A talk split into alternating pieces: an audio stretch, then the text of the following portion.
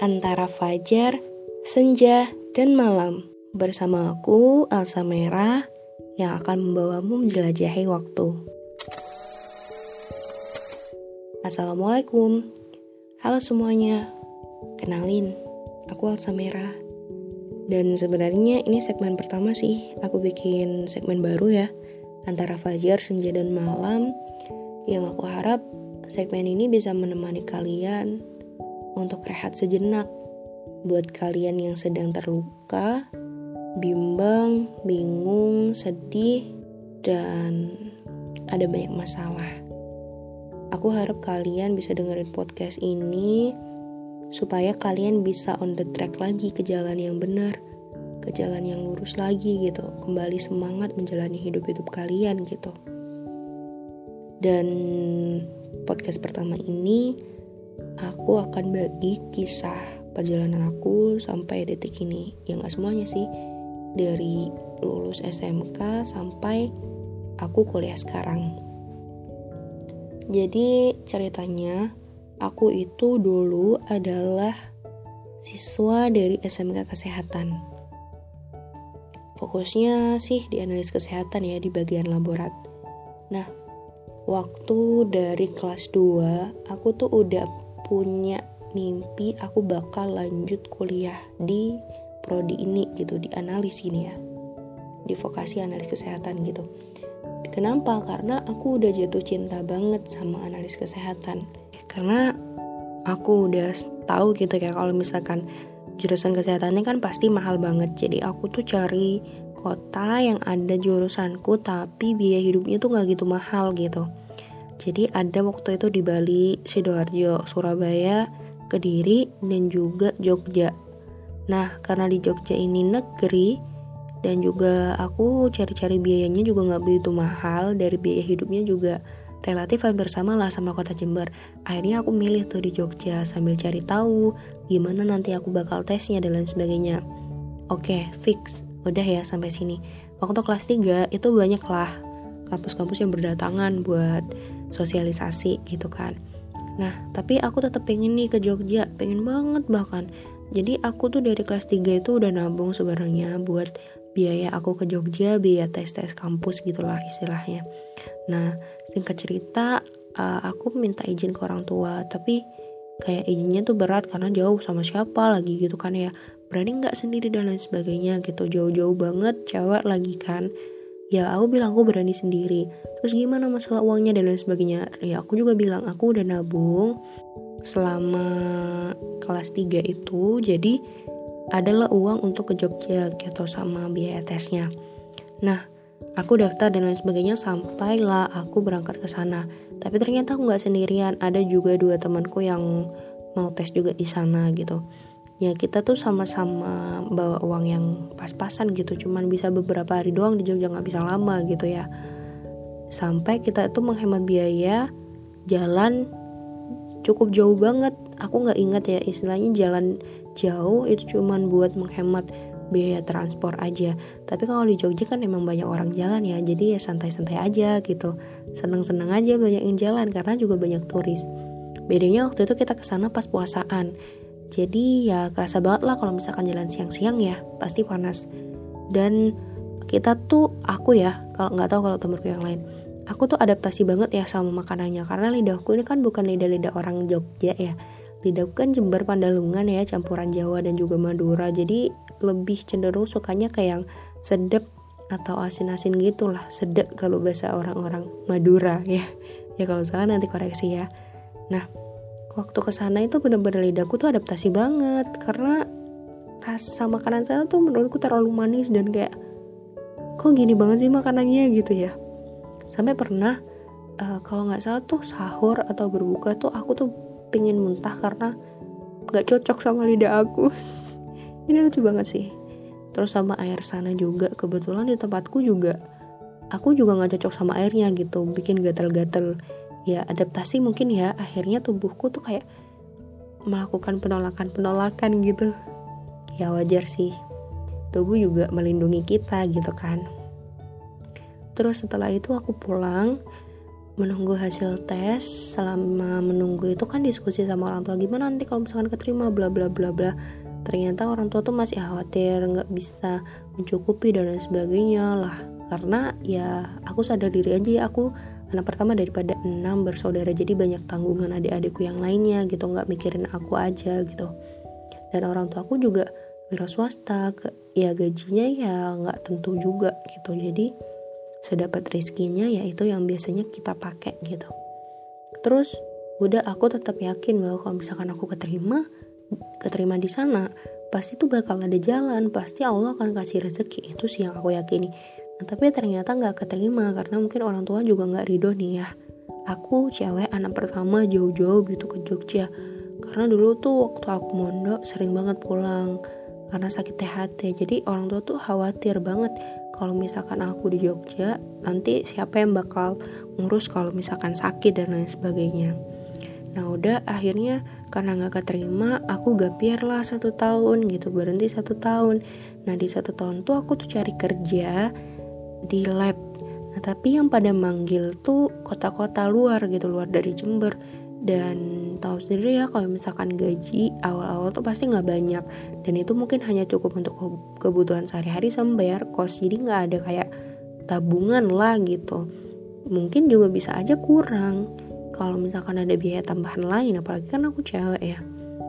Dan orang tua tuh bilang kalau misalkan emang nggak cukup dan dirasa jauh gitu dengan kerja yang shift-shiftan dan lama ya mending cari yang di Jember aja yang biayanya tuh nggak nggak kemakan sama biaya hidup. Carilah aku di Jember kirim beberapa lamaran. Ya nggak ada yang manggil jadi ya udahlah diem dulu beberapa bulan tuh lama aku diem. Akhirnya ada nih tawaran untuk bantu ngajar di rumah tafid balita dan anak.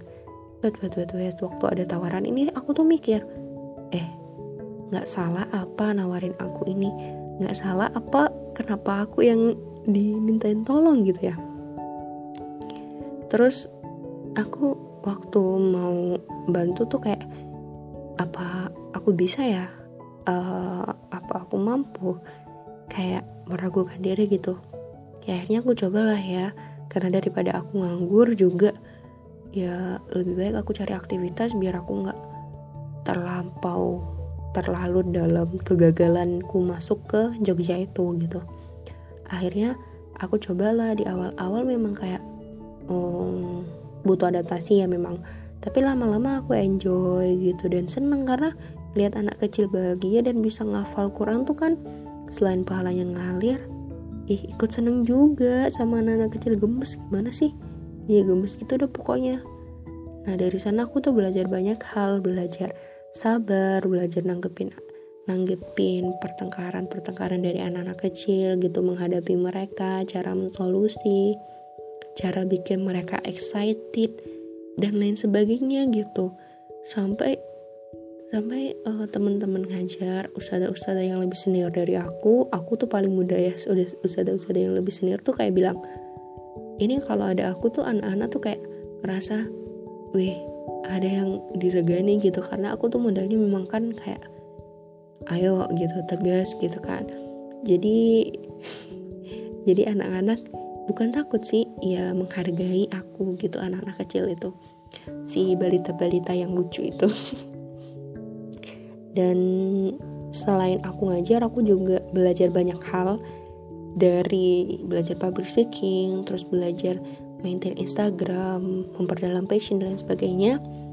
Ya semua aktivitas itu aku lakuin biar nggak terlalu terlalu apa ya terlalu masuk ke dalam kegagalan-kegagalan yang nggak bisa aku capai. Karena bener ya satu tahun tuh bener-bener kayak bikin aku tuh ngerasa aku tertinggal jauh nih dari teman-teman aku.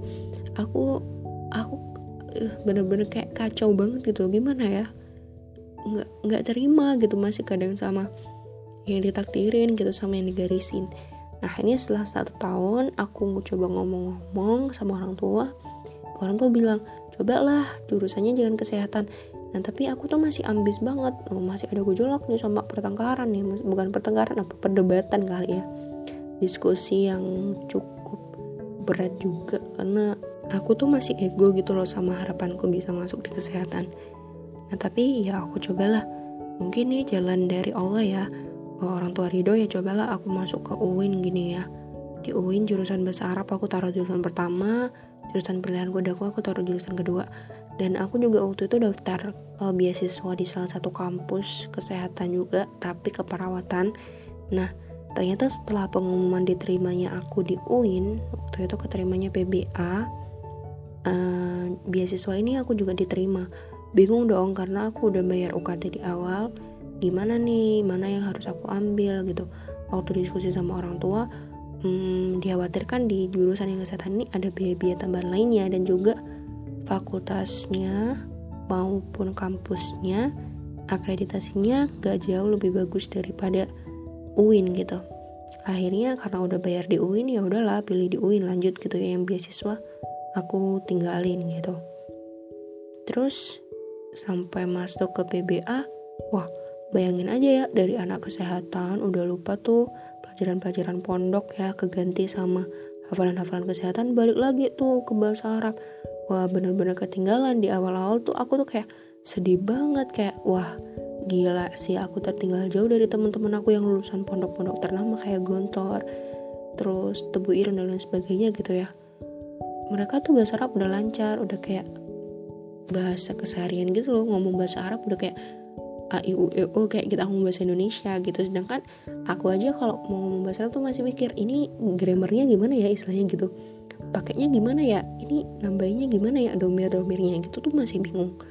Jujur kayak ngerasa wih jauh banget gitu. Tapi ya aku belajar menerima terus belajar uh, berusaha ngulang dari awal lagi karena aku yakin nih pasti ada sesuatu yang baik setelah ini ya benar banget sih ketika aku masuk di jurusan bahasa aku masih bisa melakukan banyak hal kayak aku masih bisa tetap ngajar gitu masih bisa dalamin passion aku ikut lomba-lomba bahkan sampai nulis buku nulis antologi tulisanku diterima gitu ya kalau dulu waktu aku di kesehatan tuh udah sempet sih beberapa kali ngirim tulisan ke beberapa lomba, puisi dan lain sebagainya ya.